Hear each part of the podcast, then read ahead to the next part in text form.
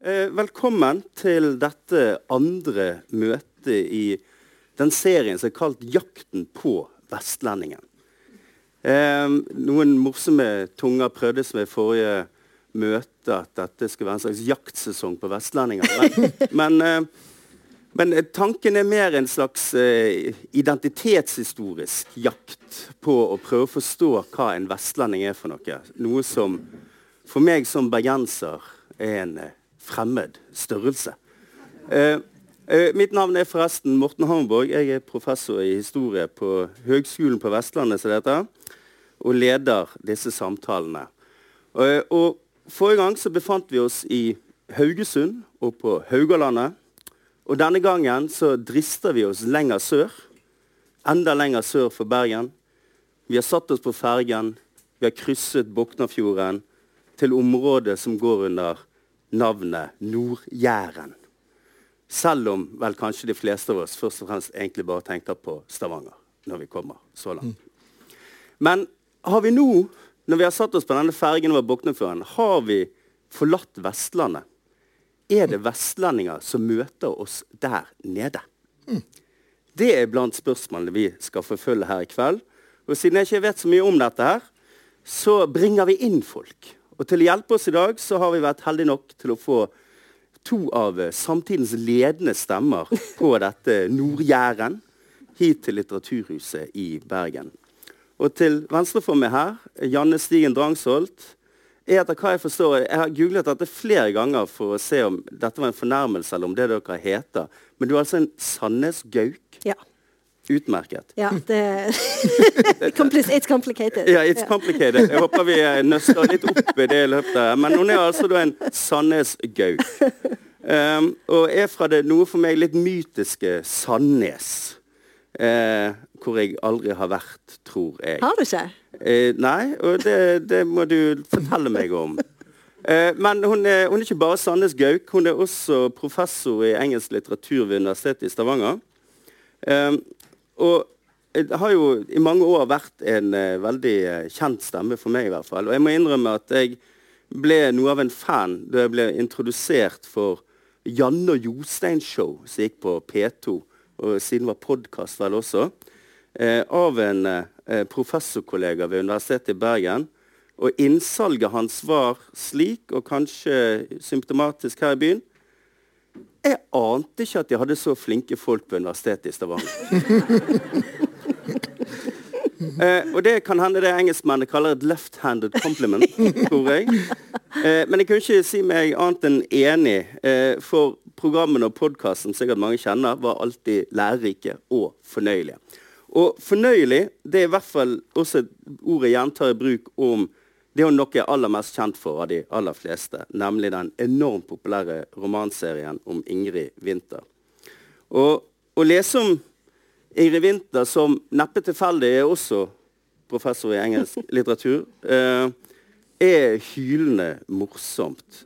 Men for meg i hvert fall, og mange med meg kanskje, som arbeider i det samme systemet, så setter latteren seg meget ofte fast i halsen. Og jeg tillater meg å sitere fra en kollegas ennå ikke publiserte artikkel om romanserien. Han skriver Drangsholds bøker om norsk akademia i det 21. århundre er al altså svært såre, i tillegg til å være morsomme. At vi ikke har noe annet valg enn å le av vinter og dermed av oss selv som akademikere, er kanskje det såreste. Det er, det er en meget dystopisk artikkel av Christian Melby som snart dukker opp. Og en annen dag så skal vi snakke om det. Ja. Okay. Eh, den kan vi kalle dystopisk aften for norsk akademia, f.eks. Men i hvert fall. Vi har flere folk her. Og vi har eh, vært heldige nok til å få Sven Egil Omdal. Eh, du har noen flere år på baken enn både Jan og meg. Eh, eh, flere tiår vært en eh, ledende penn i Stavanger. Og når jeg googlet deg, så fant jeg på Wikipedia ut at du ble ansatt i Stavanger Aftenblad i 1971. Eh, og selv for oss som er født på 70-tallet, føles det som en stund siden. Så vi kan ikke gjøre rede for eh, Svein Egils karriere siden 1971. Eh, men sentral for hans deltakelse her i kveld er hans bok om Stavangers historie, kalt byen som formet Norge. Den overraskende historien om alt vi kan takke Stavanger for. Hvem som skal takke, er jeg mer usikker på. I hvert fall oss i Bergen. Eh, eh, for eh, Svein Egil har jo blitt kjent for, gjennom årene her i byen for en rekke såkalte perfide utsagn om det som sies å være Vestlandets hovedstad, altså Bergen, selv om vi er litt usikre på det hele sjøl også. Og vi, vi, bergensere elsker jo eh, elegant drittslenging om oss sjøl. Og flere av hans formuleringer har jo, har jo oppnådd den største ære, nemlig bli inkludert i sitatbøker om Bergen. Eh, og jeg vil gjerne komme med et par av de. For i en og samme kommentar i Stavanger Aftenblad i 1995 så kom det følgende kraftsalver, og jeg siterer Bergens bidrag til åndslivet, næringslivet og politikken er støyende sjikaner og verbale voldtekter. Er det ikke sant, da? og, og, og mind you, vi er fremdeles i ingressen på kommentaren når vi går videre til Bergen er ingen by. Det er en sammenvokset injurie. Og, jeg er, og, jeg er, særlig svak for eh, Inni selve kommentaren eh, så står det dette. Sannheten om bergenserne Sannheten om bergenserne er at de er et forhutlet og umyndig folkeferd som vil ha like store muligheter til å klare seg alene som Salman Rushdie på fredagsbønnen i Teheran. Uansett, dere er hjertelig velkommen.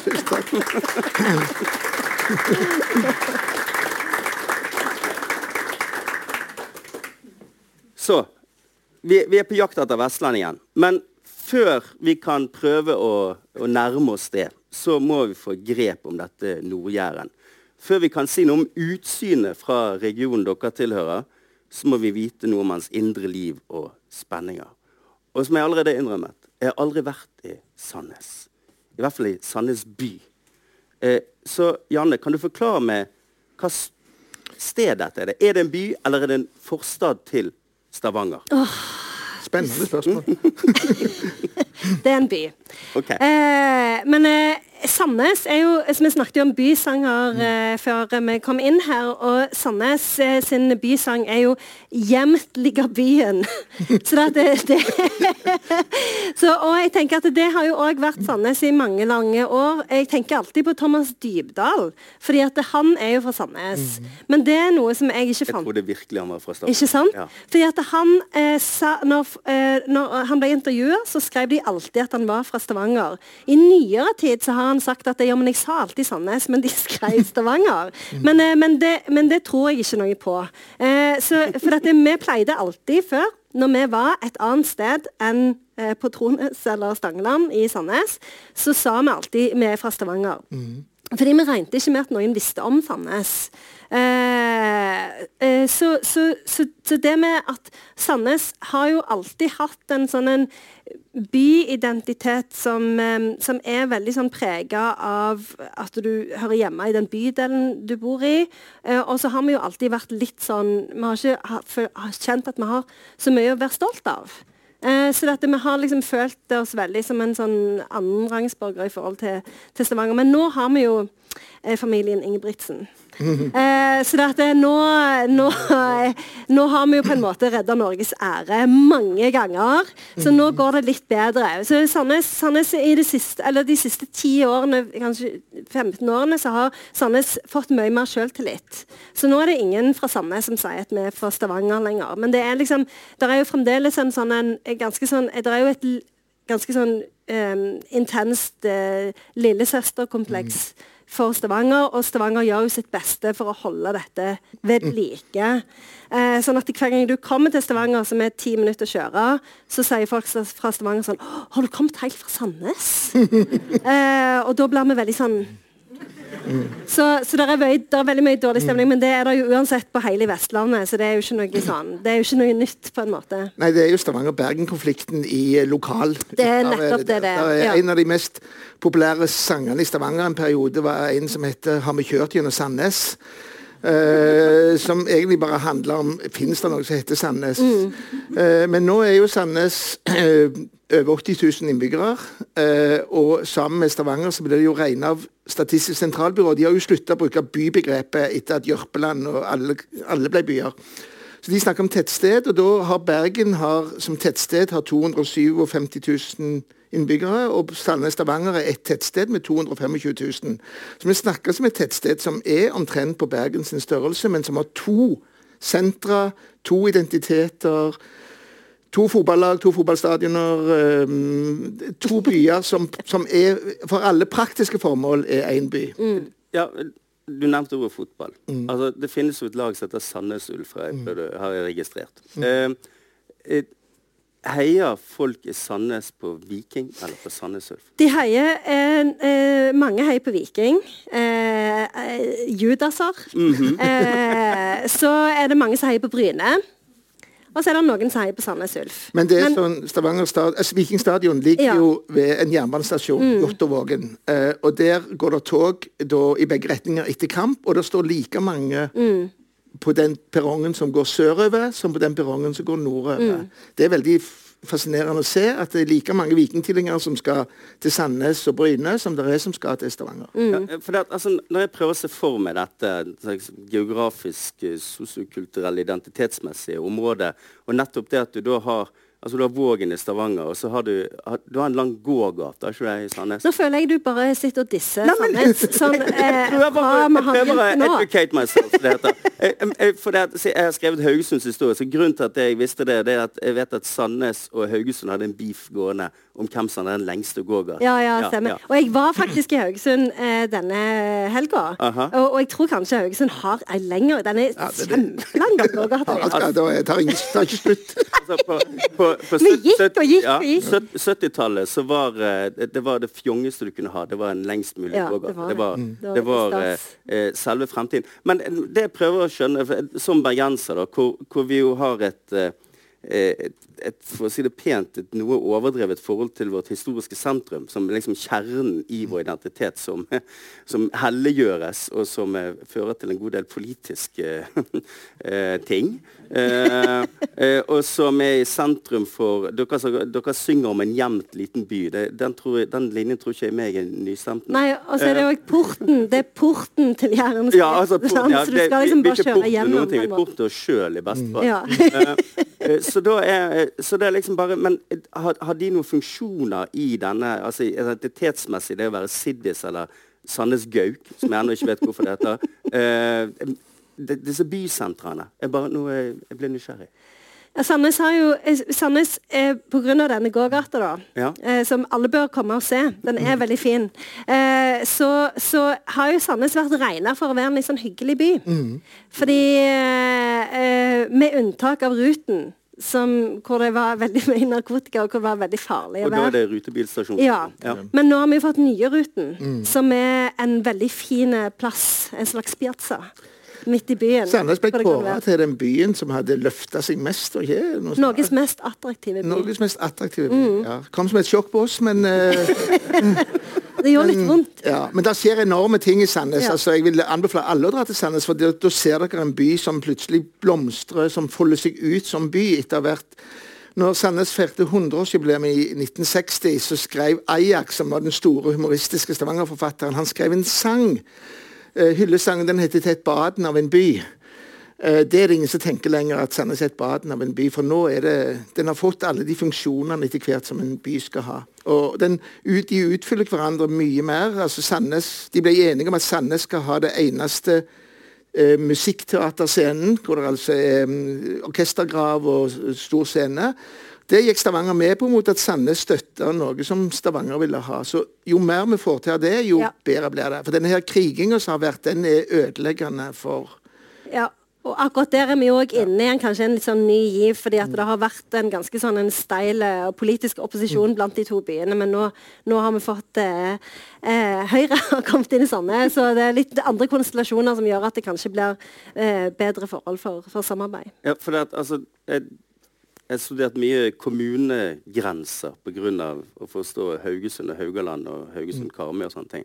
Så jeg merket meg det nå med denne siste kommunereformen så Sandnes sin frykt for Stavanger gjorde Er det Forsand det heter? De Mm. slo seg sammen med Mm. for å sørge for at de aldri, aldri noensinne kan bli slukt av Stavanger. Mm. Var det Ja, så trodde de at de skulle få Preikestolen. Det var jo, men vi hadde så, veldig lyst på eh, Preikestolen. Fordi vi hadde lyst på et nytt sånn byvåpen med Preikestolen heller enn den gauken. Så ja, men Hva skulle du da kalt deg hvis ikke Sandnes Gauk? nei, vi prøver Kanskje vi ikke trenger Sandnes gauk lenger. Nei. Det kommer jo av pottemakerindustrien i Sandnes. Okay. Fordi da lagde de en sånn gauk som er en slags sånn lærgjøk som du kan blåse i. Så sier jeg sånn ko-ko. Ja, for det, jeg, når jeg leste litt gamle avisinnlegg om dette for å forberede meg til i dag, så, så fant jeg eh, i Stavanger Aftenblad 1993 eh, så var det en linje her Bare ordførerne vet hvor kommunegrensene går. For dem som kommer med fly, er alt Stavanger. Ja. Men, men er det nå altså, da, eh, altså en, en slags fornyet Sandnes-Gauk-stolthet eh, som spiller seg ut, og som gjør at man ikke lenger sier det? Men, men samtidig så er dialekten deres blitt identisk. Mm. Det er masse komplekse ting her. Det er veldig komplekst, og det er jo ingen som vet helt hvor den denne grensa går. Nei. Men, men jeg tror nok Og det er samme dialekt, som dere sier. Men likevel så er det en ganske sånn jeg vet ikke, Identiteten til Sandnes er jo delvis bygd på et sånn hat mot Stavanger. Så sånn må det jo alltid bli. Mm. Men det er veldig løye, fordi at Sandnes hadde når jeg, Hele familien min var bodde på Sandnes, som det heter da. Nå blir du banket opp hvis du sier på Sandnes. Nå heter det i Sandnes. Uh, men, men da var det jo sånn at de bodde nesten i sentrum av Sandnes. Men de sa, når de sa de skulle til byen, så skulle de til Stavanger. Og hvis de skulle til, ned uh, bare bakken, så sa de at de skulle til Sandnes. Så ble jo under oljetida Stavanger ligger jo inneklemt på en halvøy som hadde lite tomter og, og dyre tomter. sånn at når, når oljeindustrien trakte seg tusenvis på tusenvis på tusenvis av mennesker, så var det jo bare ett sted de kunne bo, og det var jo i Sandnes. Sånn at Sandnes vokste jo fordi folk flytta til Stavanger. Folk kom jo til Stavanger til oljeindustrien, og så måtte de bosette seg i Sandnes. Og merkelig nok så annamma de veldig fort en sånn Sandnes-identitet og en sånn Disse her tullingene i Stavanger skal vi sannelig vise at eh, vi kan matche de på det ene området etter det andre. Så det er fascinerende å se hvis du kan skape en ny identitet. Ja. Eh, skape en byidentitet i løpet av en liten generasjon, så skaper du For Sandnes er jo De pleier alltid Sandnes vet alltid om de er den åttende eller niende største byen i Norge. Det er enormt viktig. Det er kjempeviktig for oss. som er den åttende. Det kan hende viktig for Sandnes, men i Stavanger er det viktigst å si at dere er vokst sammen, sånn at dere er nesten like store som Ja. Bergen. Ja, det stemmer. Ja. Fordi eh, Knut Helle, Professor Knut Helle her i byen han sa når han la fram Vestlandets historie, så, så var jeg på den, og så sa han at eh, Bergen må se seg over skulderen for å ikke bli tatt igjen av Stavanger-Sandnes. Fordi det er mer dynamisk, det er mer dynamikk der sør. Bergen er fornøyd med å være Bergen. og blir kanskje litt sløve av å være Bergen og bare se mot Oslo. og Det som du har skrevet om, klager på det som skjedde i 1814 og alt det her forferdelige. Mens, mens Stavanger og Sandnes da, og Jæren eh, hadde en dynamikk som, som eh, en burde ta seg i akt for hvis en ønsker å være en sånn dominerende, dominerende i regionen. Og da er vi over på hvem skal dominere denne regionen, som er Vestlandet. Ja, og det skal vi prøve å forfølge det videre. Eh, når du snakket og snakket nå, så kom jeg på at i festelag så foreslo jeg en gang å minelegge Boknafjorden. Men det hjelper jo ikke lenger når Rogfast kommer. Nei, nei. Eh, Det var type miner i hvert fall. Ja. nei, for hvis vi nå prøver Vi, vi kunne ha beveget oss sørover også eh, for å prøve å forstå mer av både Nord-Jæren og eh, Stavanger-regionen, eller skal vi ikke kalle det for noe. Men vi skal prøve å få grep om, om Vestlandet. Og neste stoppested er jo da Haugalandet. Nord for Buknafjorden. Eh, og hva er Haugesund og Haugalandet det såkalte Nord-Rogaland, for dere? Finnes det? Nei da, Nei, jeg tror det er veldig jeg var, eh, Vi har begge vært på det, I Skudeneshavn så har de en fantastisk litteraturfestival. Kanskje den fineste av alle i hele Norge. Så det er Silk i november hvert år. Når ingen andre festivaler. Da har de og Jeg var der i fjor, du var der i år, og det er vanskelig å finne fram til Skudeneshavn. Det er så vanskelig. Ja, det, Selv om det er et nydelig sted, så er det krøkkete. Og vi er aldri i Haugesund, unntatt når øh, du, Morten, inviterer, eller andre. Så for, for folk i Sør-Rogaland så er nordfylket er, det er en sånn terra incognita. Ja. Det er noe vi ikke vet veldig mye om, annet enn at det er veldig mange folk derfra som kommer til Stavanger for å slå seg opp. Ja. Og plutselig snakker de en litt annen dialekt. Ja. Det syns vi er veldig forvirrende, for det er jo ikke så langt å kjøre. Uh, og så er det jo ja, jeg synes det, det er liksom Det er en sånn en Hvorfor skal du dit? Altså Det er mer sånn hvis du tar kystbussen til, til Bergen, og så plutselig så finner kystbussen på at den skal stikke innom Haugesund. Ja. Det er veldig forvirrende, men det skjer jo. Så det er mer det. Der er vi. Det var sånn, altså Haugesund slo seg jo veldig opp i jobbetid rundt første verdenskrig. og Det ble jo, det ser du jo mye tydeligere i Haugesund, men de ble kjent i Stavanger for å være utrolig snobbete. Jeg er fra Haugesund og dere piano. Eh, det var et sånn kjent greie. Eh, at de inntok en sånn eh, litt sånn at de var finere enn de var, eh, holdning. Og det sitter nok igjen at haugesunderne de tror de er noe. Eh, Men, men folk i Stavanger tror jeg har veldig lit, få tanker om nordfylket i det hele tatt. Mm. det jo Hvis de ser nordover, så ser de jo alltid mot Bergen. Ja. Men det er jo helt sant at du, hvis du kommer til Haugesund, f.eks. hvis du er fra Sandnes, så er jo den en mye finere by. De har jo sånne noen flotte villaer, de har en park, de har jo et nydelig bibliotek og kunstsenter. Så dette, du får jo litt sånn mindreverdighetskompleks som faktisk kan være i Haugesund òg. Det er litt stress å være fra Sandnes, faktisk. Det er en kamp, det er en evig kamp. Så, så jeg er jo helt enig. Så du sier altså det er ikke arkitekturen jeg skal dra til Sandnes for for å Nei det, nei, det er ikke arkitekturen, men vi jobber med saken. Ja, vi gjør I det. Sandnes, eh, Sandnes de, folk, altså, de næringsdrivende på Sandnes sa alltid det må svare seg. Og Det var derfor de ble så hyggelige eh, salgsfolk, fordi at de skjønte at hvis de behandla Stavanger-folk vennlig, så ville Stavanger-folk faktisk ta turen til Sandnes for å handle. Så det, det må svare seg lå i bånn hele veien. og det det var vanlig å dra fra Stavanger til Sandnes bare fordi du ble behandla skikkeligere i butikkene på Sandnes. På Sandnes, Unnskyld. Mm, i Sandnes. ja. Mm. Ja.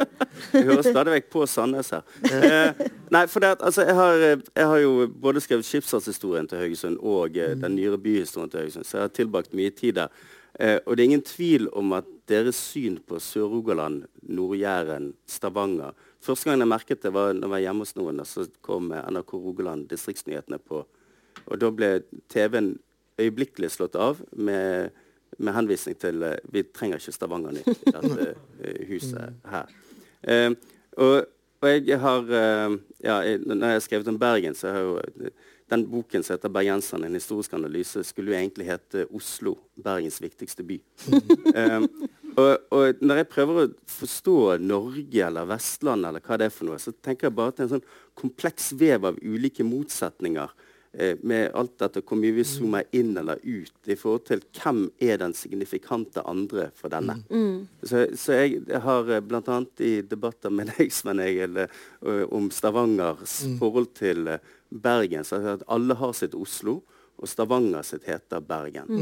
Eh, og Haugesund heter så definitivt eh, Stavanger. Eh, eh, og, eh, og det bringer meg over til eh, eh, Vestlandet.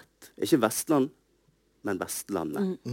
Eh, og for meg en, eh, jeg, jeg var nok av de meget, meget få som fulgte eh, direktesendingen på nett, som ble streamet fra Rogaland fylkestingsmøte i Haugesund i 2016. Da alle visste at det kom til å bli et nei til at Rogaland skulle slå følge inn med Hordaland og Sogn og Fjordane i Vestlandet. Det som var, noen hadde et håp om skulle bli en region, og hvor premisset er at hvis vi samler oss, så er vi da 1,2 millioner mennesker eller noe, ting, eh, med et næringsliv og et høyere akademisk og i det hele tatt, som kan være den eneste motmakten til Oslo i kongeriket. Eh, og da gikk eh, daværende Haugesunds ordfører Arne Kristian Moen på talerstolen og regelrett skjelte ut fylkestinget for det de holdt på å gjøre. For sett fra Haugalandet så er det det ville vært fantastisk for dem å bli midten av noe, mm. istedenfor å være akkurat som dere har mm. no, demonstrert eh, en, en, en, en, nesten glemt utkant i eget eh, fylke. Så til dere eh, Hvorfor ble det ikke noe av, og var det riktig? Etter deres syn? Eh, ja, eh, det var riktig, fordi du, du, er nødt til å gå tilbake til hvor kommer disse her eh, Du må langt tilbake for å forstå denne identiteten. Altså, Vestlandet er jo det egentlig Vestlandet er jo det gamle Gulating fra eh, Harald Hårfagre sin tid. og han, Den samlingen vet dere skjedde uh, i Hafrsfjord. Gulating oppsto som en enhet etter det. og Gulating det var fra grensen mot Agder og til grensen mot Romsdal. Det var etter hvert Gulatinget. Stavanger og Rogaland ligger jo ganske krøkkete til i forhold til kommunikasjon med øst, østover. Sånn at eh, Stavanger har 900 års erfaring i å slåss mot Bergen og kjempe med Bergen om eh, status og institusjoner, hva det måtte være. Og mange hundre års erfaring i å neglisjere Oslo.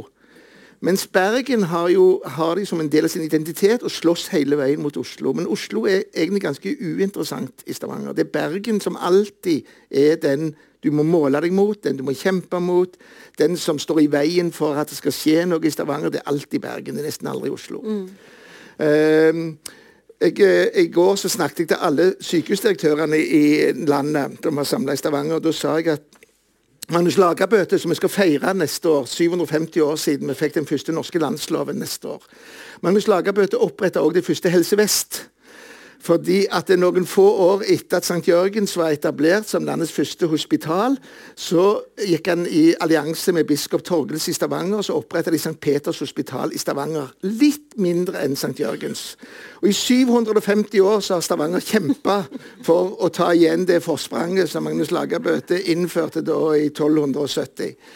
Eh, og hele Historien om Helse Vest handler jo om at Stavanger vil tilby sine 400 000 nå Ehm, innbyggere det samme som Haukeland tilbyr sine omtrent 400 000 innbyggere. Mens Haukeland tenker mm, hvis vi kan bestemme over 800 000, så blir vi like gode som Rikshospitalet og Ullevål. Og Det er en, det er en grunnleggende konflikt som jeg tenker er uløselig. Og hvis Rogaland hadde blitt med i Vestland fylke, så ville det vært bergenserne som styrte enda mye mer av hva som skulle skje i Rogaland. Det skjønte rogalendingene intuitivt, for det har vi altså 900 års erfaring i å skjønne.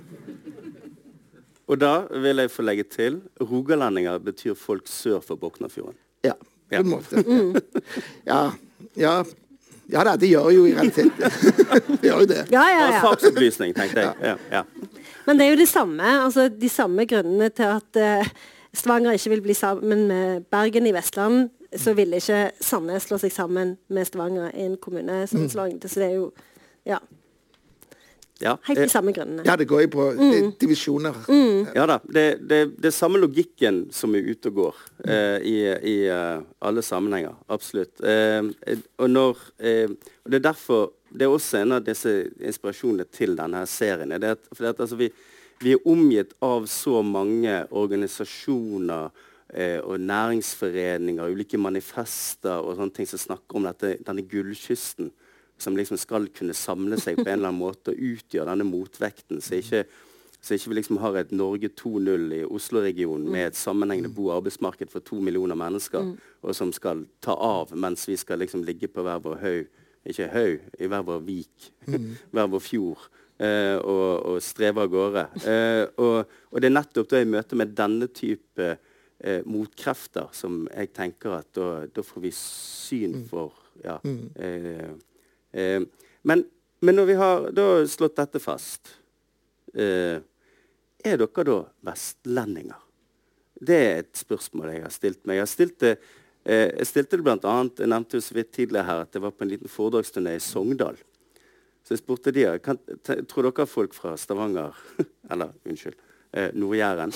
Eh, Tror dere de er vestlendinger? Og eh, de var unisone det at altså, grensen går ved Boknafjorden. Mm. Konsekvent var eh, svaret. Eh, og, eh, men når jeg da leste 'Vinterferie' av Janne S. Drangsholt, eh, så er jo Så kommer Vestlandet og det vestlandske inn. Og det, til de som ikke har lest den, den anbefales på det heftigste, eh, eh, så er jo det, det, er en sånn undergangsstemning over denne familien når eh, far i familien eh, begynner å henge en del i Oslo, og så sier han Oslo. Og da, da går Det er det alle alarmklokkene. Ja. Jeg, jeg, jeg bare leste et par linjer herfra. Eh, det er en venninne til, eh, til hovedpersonen som spør Tror du han har en affære, spurte Katti og så meg granskende inn i ansiktet. For i så fall er det bare å bryte opp. Det mener jeg. Affære, gjentok jeg og tørket tårene med genserarmen. Nei, det kan jeg ikke tenke meg. Hva er det som er stress, da? spurte Katti. Vel, han har jo vært en del borte det siste, begynte jeg, siden de forbereder sammenslåing med det Oslo-firmaet. Og han har liksom forandret seg. Hvordan, mener du? Noen ganger, sa jeg, føles det som han er blitt erstattet av en dobbeltgjenger. En dobbeltgjenger fra Østlandet. For han ler ikke når jeg spøker ondt om andre mennesker. Og han synes jeg er for kritisk og for negativ. Og selv er han bare hyggelig. Og så har han begynt å si Oslo. Han sier vel ikke Oslo? Jo, sa jeg mørkt. Han gjør det. Så det er dette som binder oss sammen, Janne. At vi ler når vi spøker ondt om andre mennesker og er kritisk og negativ. Ja, jeg tenker at det er det som definerer vestlendingen. Og det syns jeg alltid er så stress når jeg treffer folk fra Østlandet. At de, for Jeg har også skrevet i den boka at det er akkurat som de har fått fjerna et eller annet sånn bein eller et eller annet her som gjør at de kan smile oss veldig. Mens vi fra Vestlandet er litt sånn sure og, og altså blå, liksom, Det blåser jo alltid, og vi er alltid litt sånn våte av regnet og sånn. Mens de liksom vanser rundt der. og høstløvet, og det er så fint og sånn. Ja. Men, jeg, men det er jo liksom, for jeg bare tenker på sånn, eh, først, Første gang, faktisk, eh, jeg ble konfrontert med at jeg ikke er vestlending, eh, det var her. Eh, for jeg skulle bli intervjua av en østlending. Og, eh, Sigrid Bonde Tusvik, uh, by the way.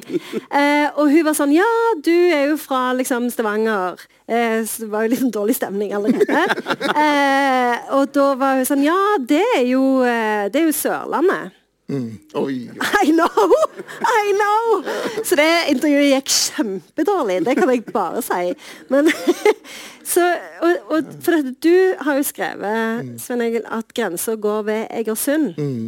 Og det tenker jeg òg. For der er det noe som skjer. Da er det litt sånn ja vel. Da brekker dialekt. ja, ja. Ja. Eh, og liksom alt blir greit og sånn. Skjer noe med Lunde, rett og slett.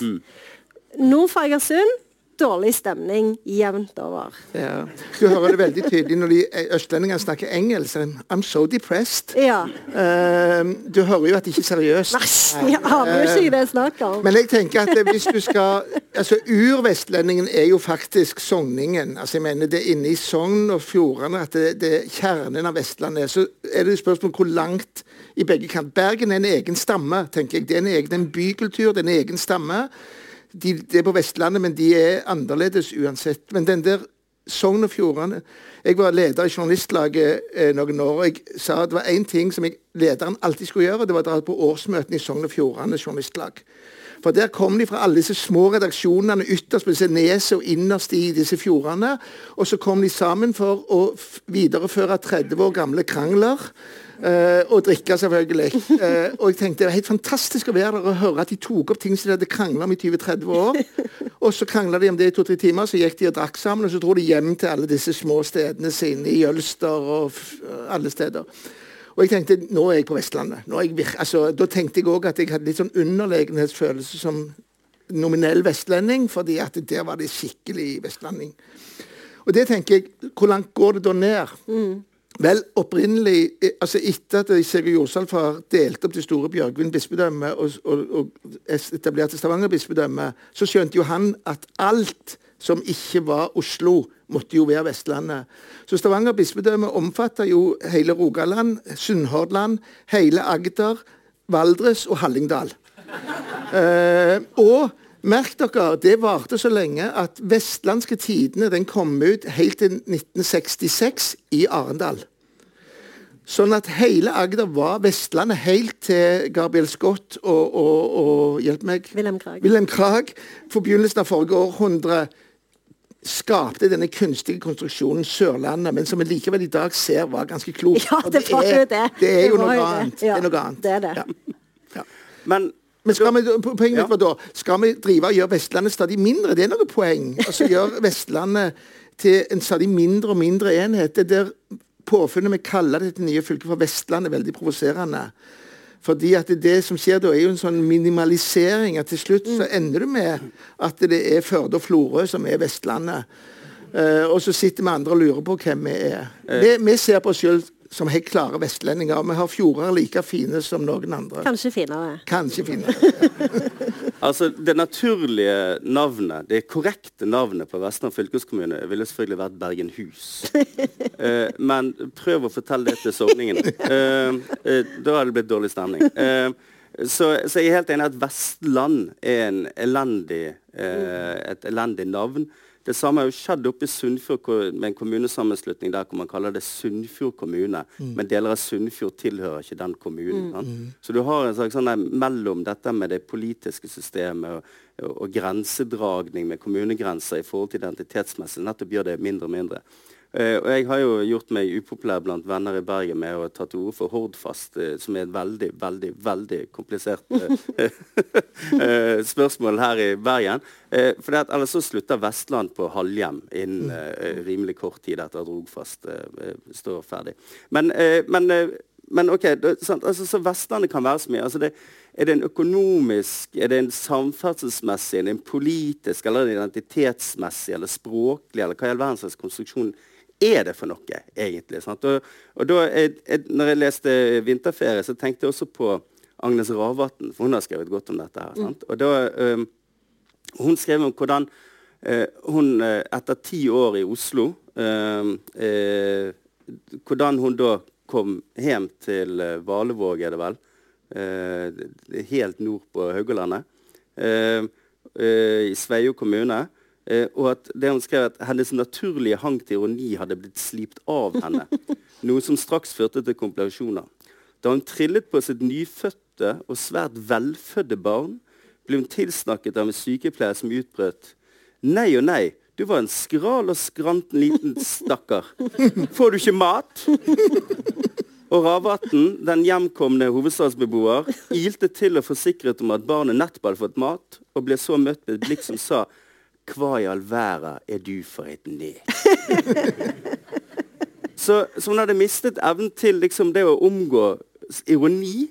Og hun skrev det, hun hadde for lenge vært omgitt av, som hun skrev eh, Og min østlandsk er forferdelig. Kjempehyggelig å møte deg. Og så koselig. Og myke håndtrykk. Og som hun skrev, så, ja, hun hadde til og med begynt å sette pris på sitat, den falske, vennlige Oslo-omgangstonen. Og på Vestlandet måtte hun igjen gå i nærkamp med en samværsform preget av en kakofoni av tilsikta feiltolkinger, parodier og ironier.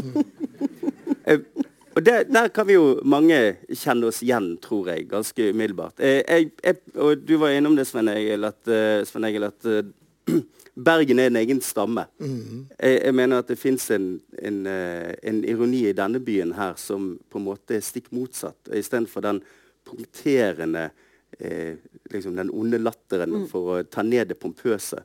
Så er det nettopp iscenesettelsen av oss sjøl som pompøse over enhver fatteevne eh, som, eh, som er vår lek med eh, ironien, og som, og som skiller det ganske radikalt fra vestlendinger. For dere har ikke noe lignende altså, Jeg tenker på det mest bergenske. Jeg pleier alltid å si dette. Det mest bergenske jeg vet når salig ordfører Kjønland ble spurt tror du på et liv etter døden. Og han svarer jeg forestiller meg himmelen som et slags Bergen. Sant? Eller, eller når eh, også tidligere ordfører Harry Hansen eh, sier det at jo, det er riktig det at Bergen ikke er Paris, men så er heller ikke Paris Bergen. Mm. Finner du det i Stavanger? Jeg må få skyte inn der fordi at jeg i, eh, en gang for veldig lenge siden så, ble, så var det biskop Godal som holdt søndagsgudstjenesten på radio. og Da skrev Lillehammer tilskuer også, dialekt, også denne dialekten, stavangersk, må være det, må være det språk som englene taler om søndagen. Uh, nei, men det er helt sant. Altså, denne, jeg, men jeg tror vi har letta for å skjønne denne overdrivelsen. altså 'Gullet skal hjem'-leken uh, var jo morsom, men jeg tror selv vi i Rogaland har lettere for å skjønne den enn østlendingene. altså Vålerenga-tilhengerne tror jeg skjønte den dårligere enn en vi gjorde. Denne bergenske ironien er ganske, altså, den er ganske vakker, denne her overdrivelsesgreiene, men den er veldig fremmed for oss. For vi har jo hatt det motsatte. At du, du, du snakker ned deg sjøl. Mm. Uh, det har liksom vært vår måte å kommunisere på. Nei, nei, nei. Jeg Har, nei Nobelprisen, det var, var ikke fortjent. Jeg, nei. nei. Jeg står her på denne kaien. Ja. ja. Jon Fosse er ikke en bergenser. Det tror jeg vi kan uh, slå fast uh, uten, uh, uten, at han gjør opposisjon nå, tror jeg. Men jeg er helt enig. Og mm. det er kanskje det For jeg har jo studert her i Bergen, og det var mm. kanskje det vanskeligste for meg å forstå.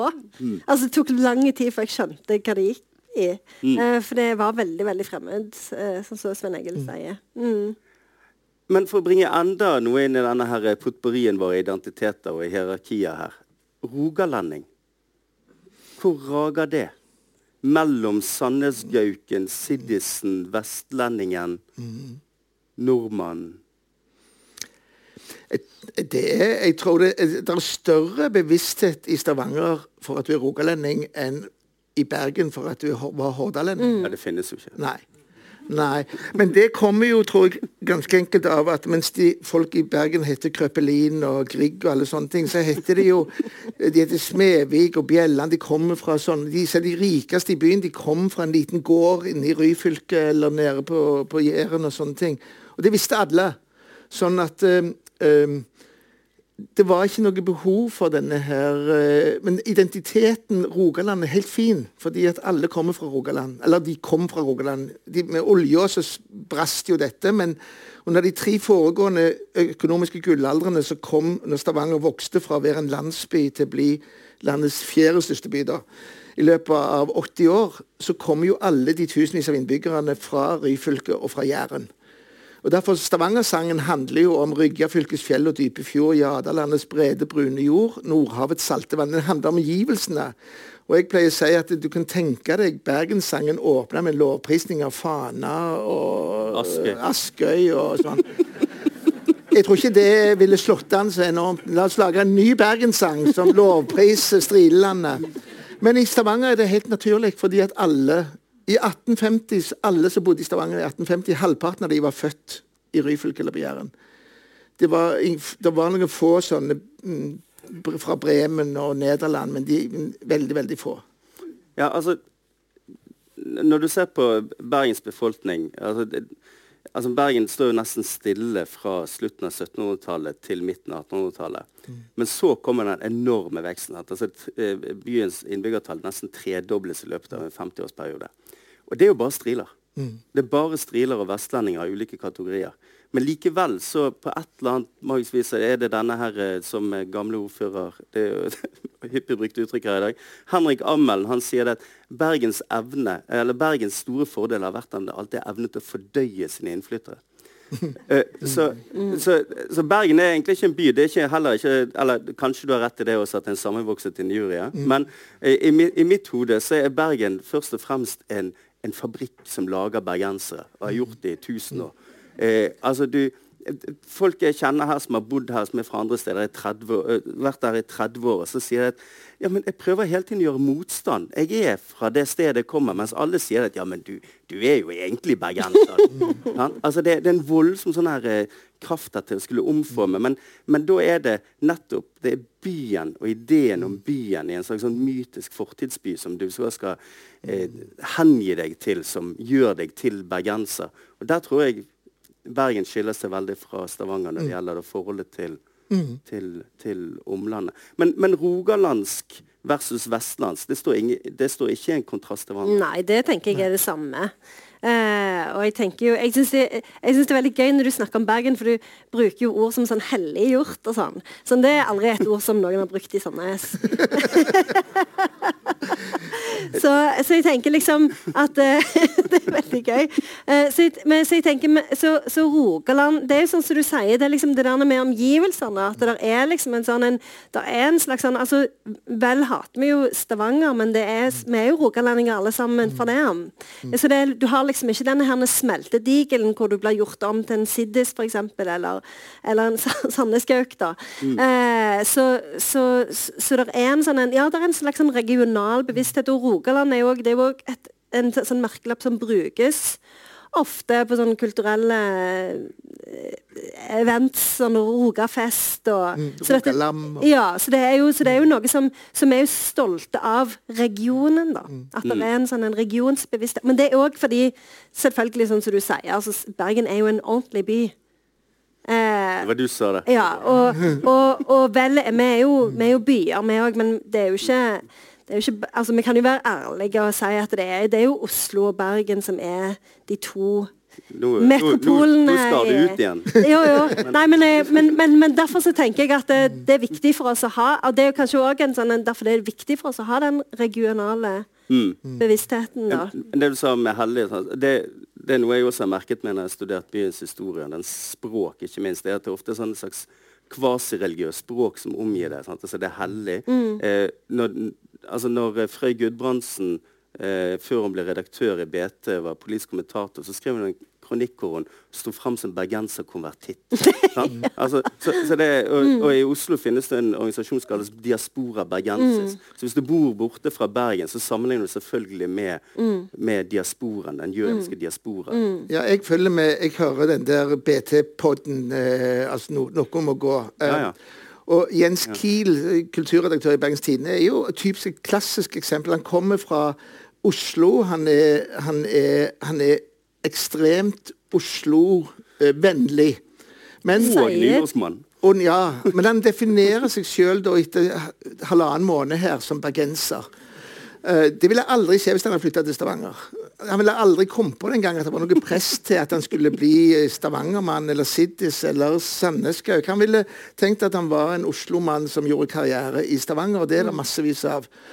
Men her er det på en måte et sånn ytre press og at du må bli Du må annamme denne kulturen for at du skal være noe her i byen. Og, og byen har vært fantastisk god til det. En av de sjikanøse artiklene som jeg skrev, handla jo om fordi at Bergens Tidende gjorde seg store på at de skulle få en teatersjef fra Rogaland Teater. Det syntes de var under deres verdighet. Uh, og så svarte jeg med å si at hvis du kikket deg rundt, så var det jo ingen av institusjonene i Bergen som var leder av en bergenser, bortsett fra TV 2, og han valgte å bo i Oslo. Uh, at denne byen helt åpenbart kunne ikke fungere hvis det ikke kom noen utenfra og tok over institusjonen, enten det var, uh, enten det var Festspillene eller det var men du ser jo hvis en av de utfordrer det bergenske, sånn som når hun Bella. Jonsdotter Uh, Birgitta Jonsdottir Hva heter det? Bergjot. Uh, uh, altså Bella kaller vi henne. Ja, ja. Når hun uh, avskaffet okay. avskaff den rituelle avsyngningen av, av bergenssangen under åpningen av Festspillene Det var vel det nærmeste altså Tjære og fjær og sånn var vel Alle varmte opp tjære rundt omkring her. Altså, Men så gjorde dere... Bergens Arbeiderblad, eller Bergensavisen dagen etter, ja. overskriften var bare 'Send hun hjem'. og, da, og da sto det også uh, i lederen, ikke i summetonen, men i lederen, så sto det det at hun var på vei til kongelunsjen i Håkonshallen, kunne fortsette ut på Skoltegrunnsveien, hvor Smyriline har begynt ukentlige avganger til Island. Så ja. ja, ja. Ja, men Det er store forskjeller. Og vi, vi pretenderer aldri å bli sånne bergenske i den forstand. Vi gjør ikke det. Vi trives med å være litt uh, Vi kan godt, være, vi kan godt kjøpe Bergen. ja, det kan vi. Ja, og det vet vi ja, vi kan. Ja. det hadde vi ikke merka det engang. ja, for la oss stille oss spørsmålet. Er, er problemet Eh, med, med, hele denne ideen med Vestlandet, er det Bergen? Er det, er det ideen om dette eh, Bergen som både vil bestemme Altså, er, altså for det i hele, hele innsalget denne ideen om Vestlandet og Vestlands samling så det at da kunne, og jeg tenker at Helse Vest er jo er jo på en måte prototypen på det. Sant? Det er den eneste store, viktige bestanddelen som går over hele Vestlandet, med unntak av Sunnmøre. Sant? Altså alle tre fylkene. Og det er på en måte sånn prototypen på hvordan et Vestlandet, region, hadde fungert. Eh, og da, Du har jo allerede vært innom det, Svein Egil.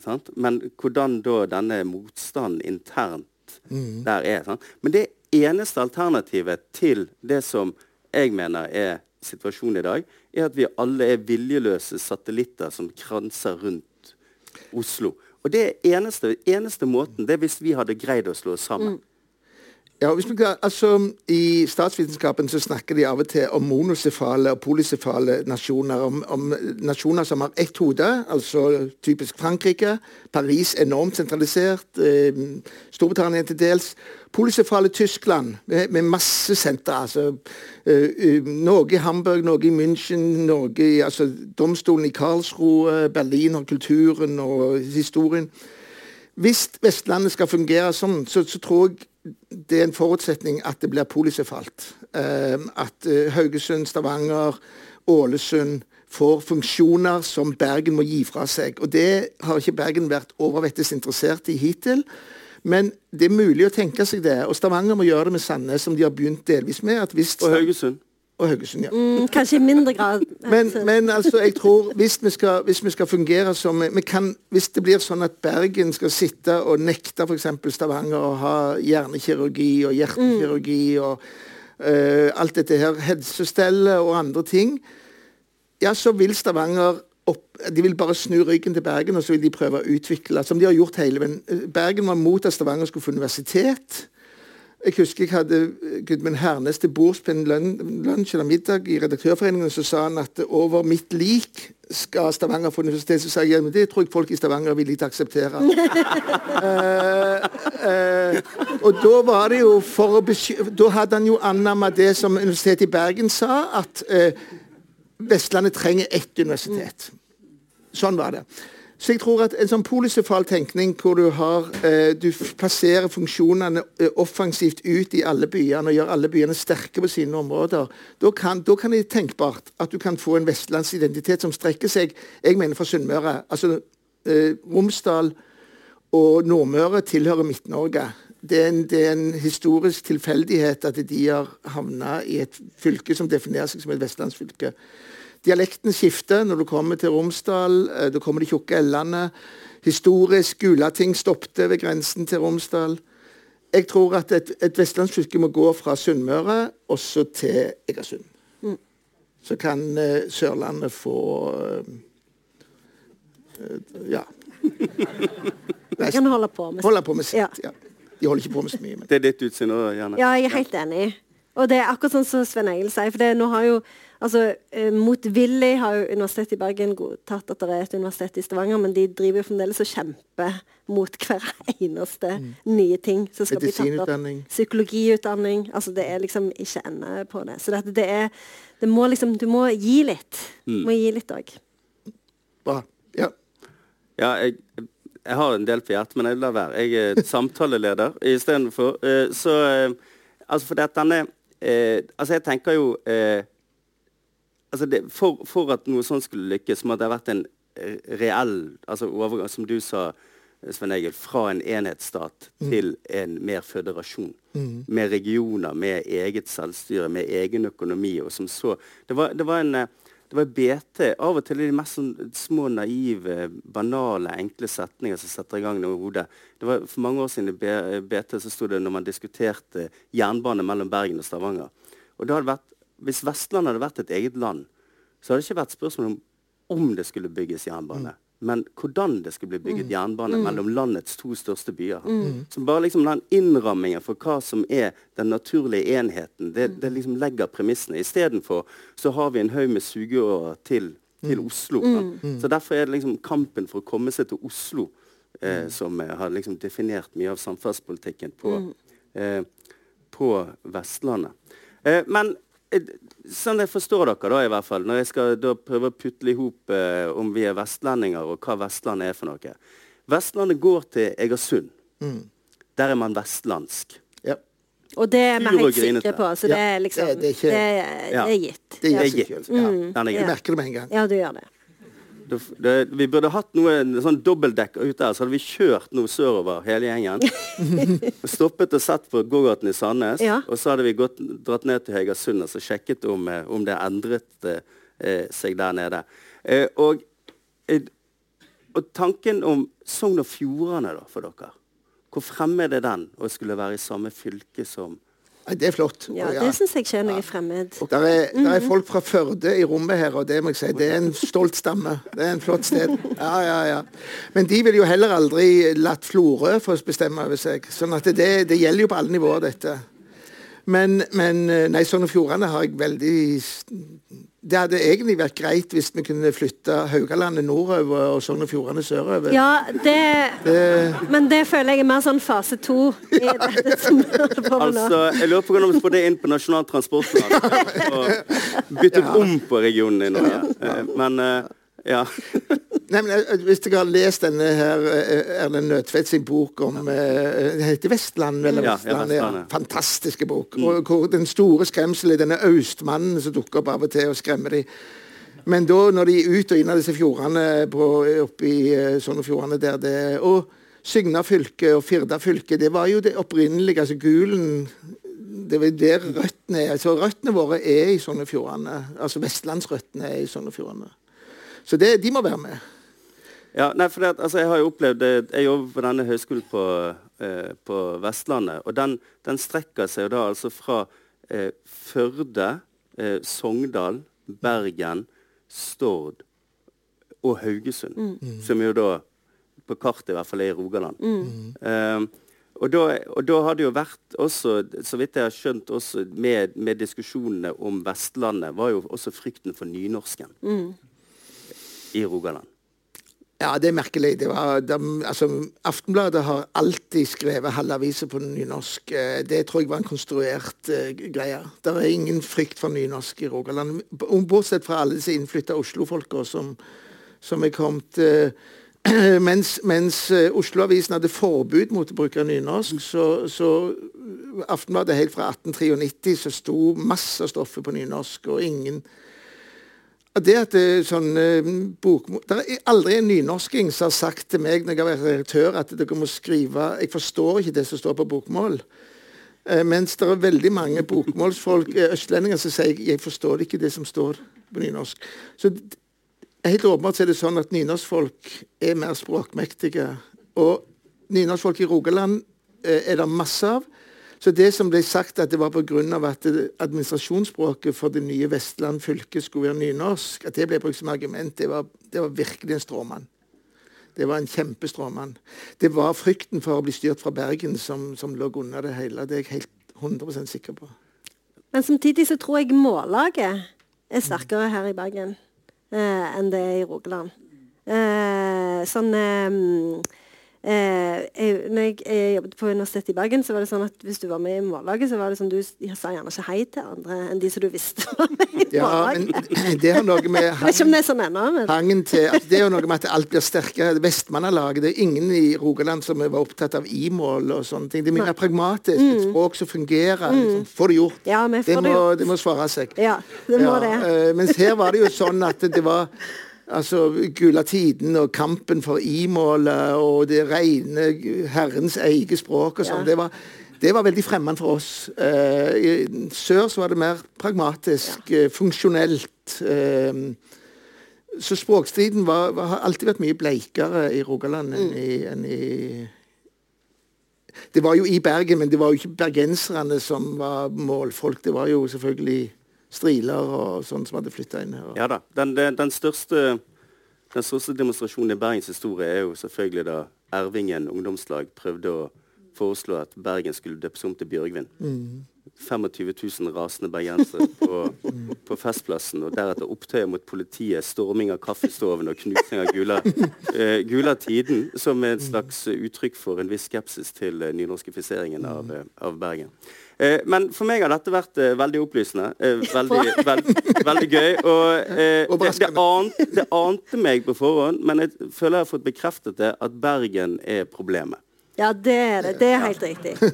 Og, Og det er vel kanskje der vi ender i disse samtalene ofte. Nei, ikke forrige gang. Da var Stavanger problemet. Så vi beveger oss rundt på Vestlandet, og etter hvert så finner vi ut hva som er problemene. Så til slutt så skal vi ta med alle gjestene som har vært der, en koordinert aksjon inn mot Stortinget, og så får vi tegnet opp dette vestlandskartet sånn som vi har lyst til det til slutt.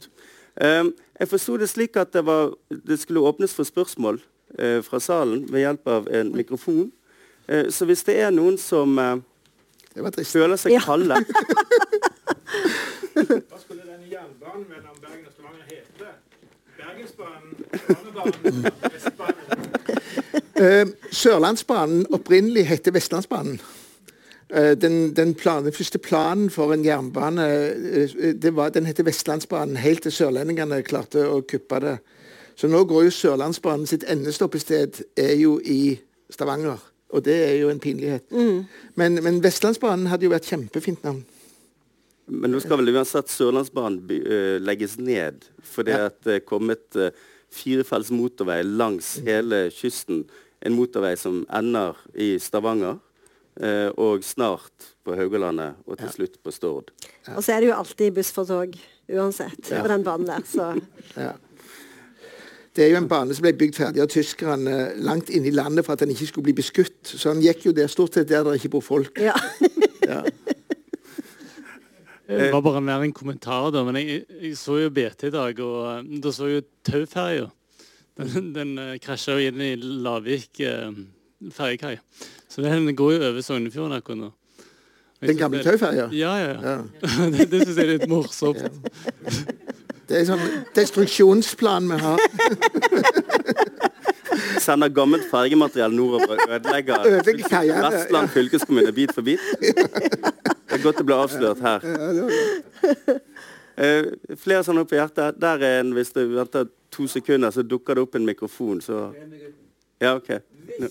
Haugalandet vendte kursen nordover mot Bergen mm. med alt sitt 120 000 innbyggere. Mm. Hva har skjedd i Stavanger da? Ingenting. Nei, altså jeg, jeg, jeg, tror ikke det, fordi at de, altså, økonomien vil jo altså, Fylkesøkonomien går jo til å drive ting på Haugalandet mm. uansett. altså men jeg tror, jeg tror, Morten har rett. altså Hvis, eh, hvis Rogfast kommer, men ikke Hordfast, mm. så vil jo Haugaland og Sunnhordland og Stord bli trukket sør. For det er sånn det går. altså. Mm. Folk kan være, Uansett hvor glade de er i sveler og ferger, så er det sånn at kommer det en tunnel, så velger folk tunnelen selv om de har valg. Det har vi sett f.eks. i Høgsfjorden og sånn, at folk som bor rett med ferjekaien inne på Forsand, de kjører inn til Tau, og så kjører de Ryfast under fjorden. Mm.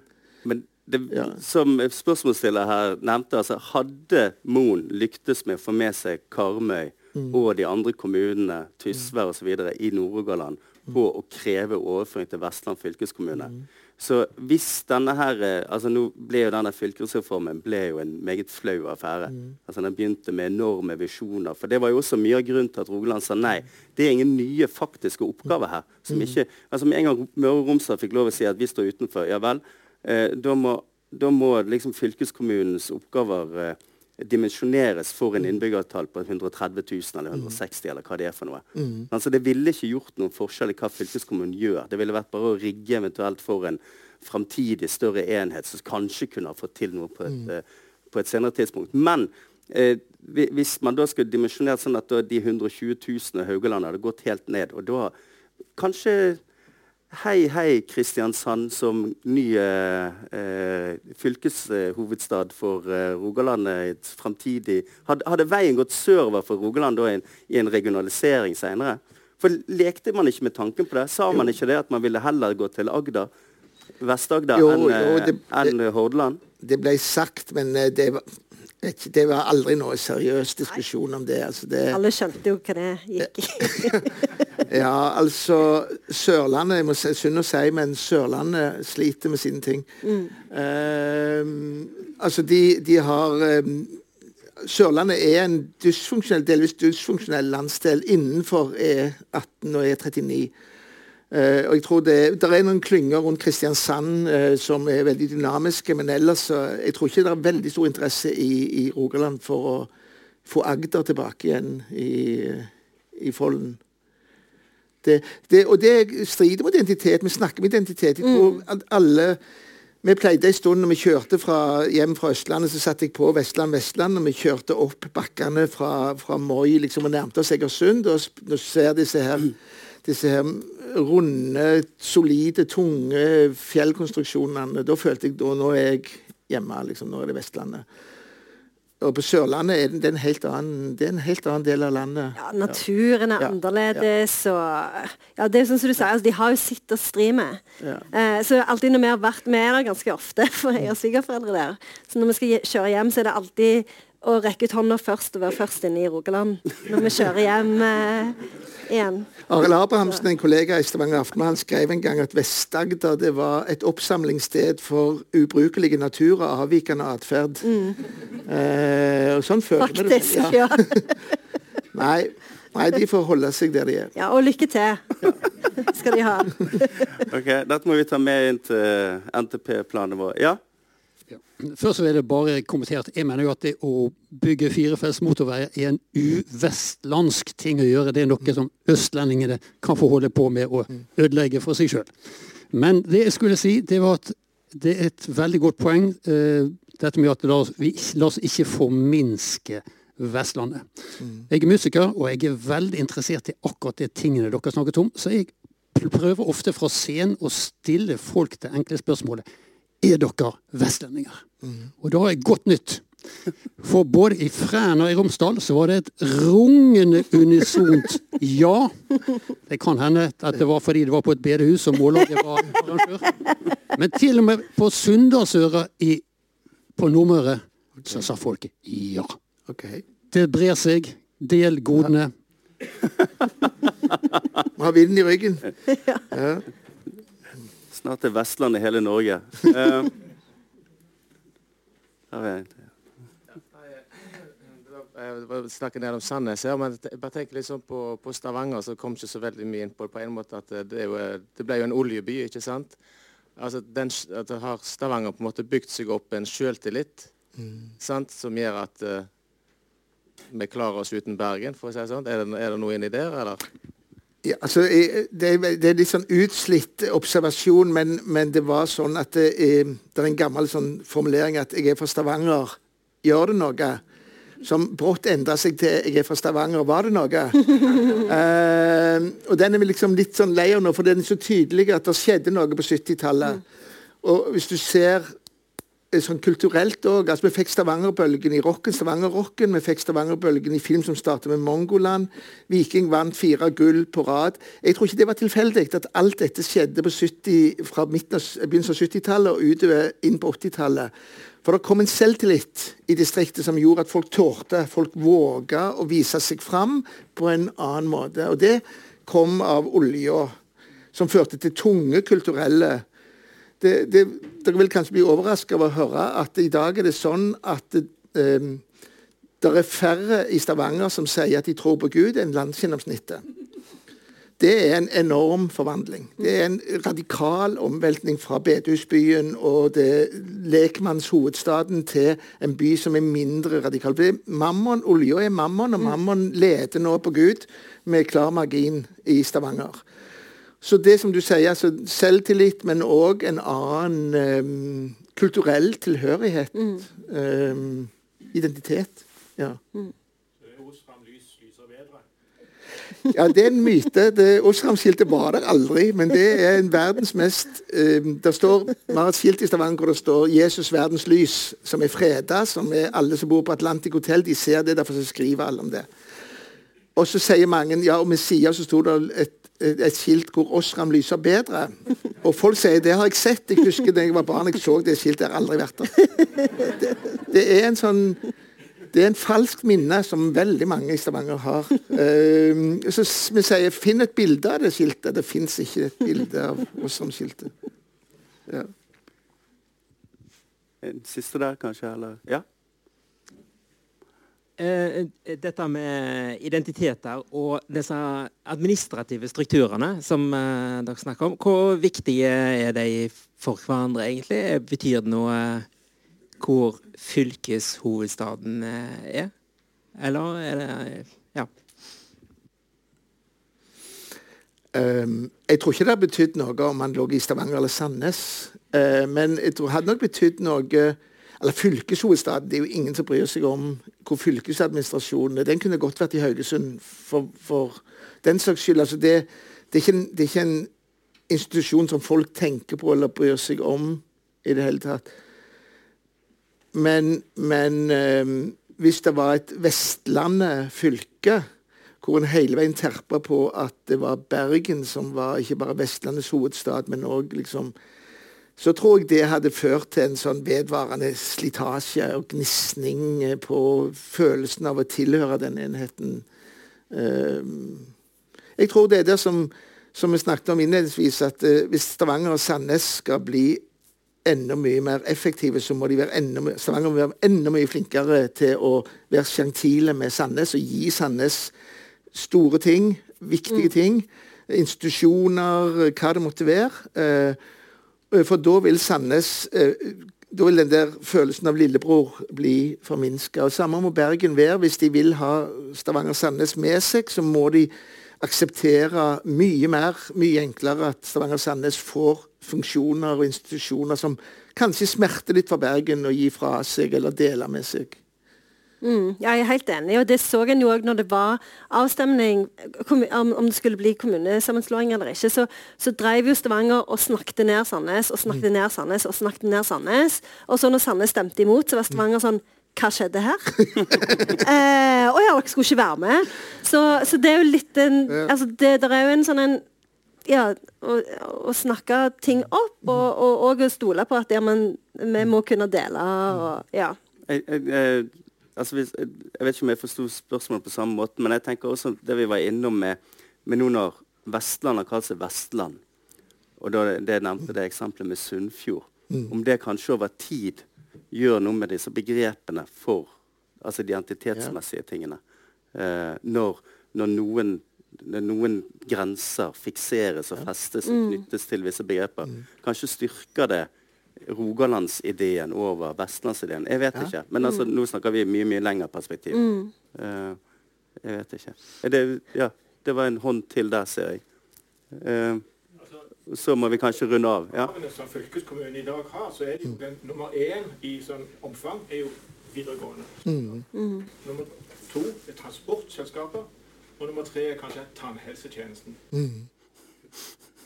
Så ja, en del kultur. Disse her tingene er jo ikke særlig vanskelig å plassere på samme måte som helseforetak som satt over i en foretaksmodell. Og dermed så løser du veldig mye av dette her med hvor skal ting være henne. Men, men det er jo et resultat av at på nasjonalt nivå så er det ikke enighet om forvaltningsnivåene. Eh, skal vi ha tre eller skal vi ha to forvaltningsnivåer? Og Så lenge det er strid om det, og du får den der em, Fylkeskommunen får akkurat nok til at det kan være et forvaltningsnivå, men ikke nok til at det er et interessant forvaltningsnivå. Det er jo en vedvarende politisk problem. Sånn at eh, jeg mener at vi, Det er liksom å stå med én fot på kaien og én på båten. Du må til slutt bestemme deg. Hvis du vil ha et fungerende eh, tredje, altså midt forvaltningsnivå, så må du gi dem skikkelige oppgaver, skikkelige ressurser. Så vil kanskje fylkeskommunen bli interessant å diskutere innenfor enhetene. Men å drive disse få tingene som du nevner, det er jo ikke veldig Det er jo å si administrasjon av Norge. Det er ikke noe veldig mye politikk i. Det er jo skoleeiere, så likedan så Ja, men det, er ikke, altså det å drive videregående skoler, det, det, er, ikke, det er ikke politisk omstridt. Eh, Det er ikke der skolepolitikken formes heller. Det jeg mener, hvis når dette blir et Ja. forvaltningsnivå istedenfor å være i fylkeskommune, ikke sant? Ja, som ja. snakker da sammenslåing i Vestland, Ja. så, så trengte ikke det være i, i, i den modellen som, som vi i dag har, Mm. med, med at man skal drive alle disse greiene. Men det kan man jo på en måte nå Mm. løsrive fra, fra fylkeskommunen, slik at det blir kanskje bare kultur. Eh, Nei, Vi fikk jo ikke den regionreformen som man tok til orde for på begynnelsen av 2000-tallet, og som man trodde på skulle bli en realitet, som så veldig lovende ut en stund, helt til Stoltenberg-regjeringen trakk ut pluggen på det hele. Og, og det der eh, tøyset som var kommune- og fylkesreformen forrige runde, med eh, noe tvang, noe frivillighet, noen gulrøtter, noe pisk og noe, noe eh, gjenoppløsning. Altså det, det, det, det, har, ja, har vært en politisk tragedie, egentlig. Eh, men da tror vi må gå inn for landing. Vi har gått godt over tiden. Eh, tusen takk for oppmøtet, og eh, ikke minst til mine to eh, gjester som eh, har tatt turen ikke bare over én fjord, men eh, helt opp til eh, byenes by. Eh, og jeg har jeg, jeg øver meg på å skulle lede samtaler istedenfor å delta i dem. Så jeg brenner inne med enormt mye nå. Så nå har jeg lyst til å gå ut og ta en øl og snakke om alt jeg ikke fikk sagt nå. Eh, tusen takk for oppmøtet, eh, og gjensyn når jeg finner noen andre vestlendinger å intervjue. takk for i kveld.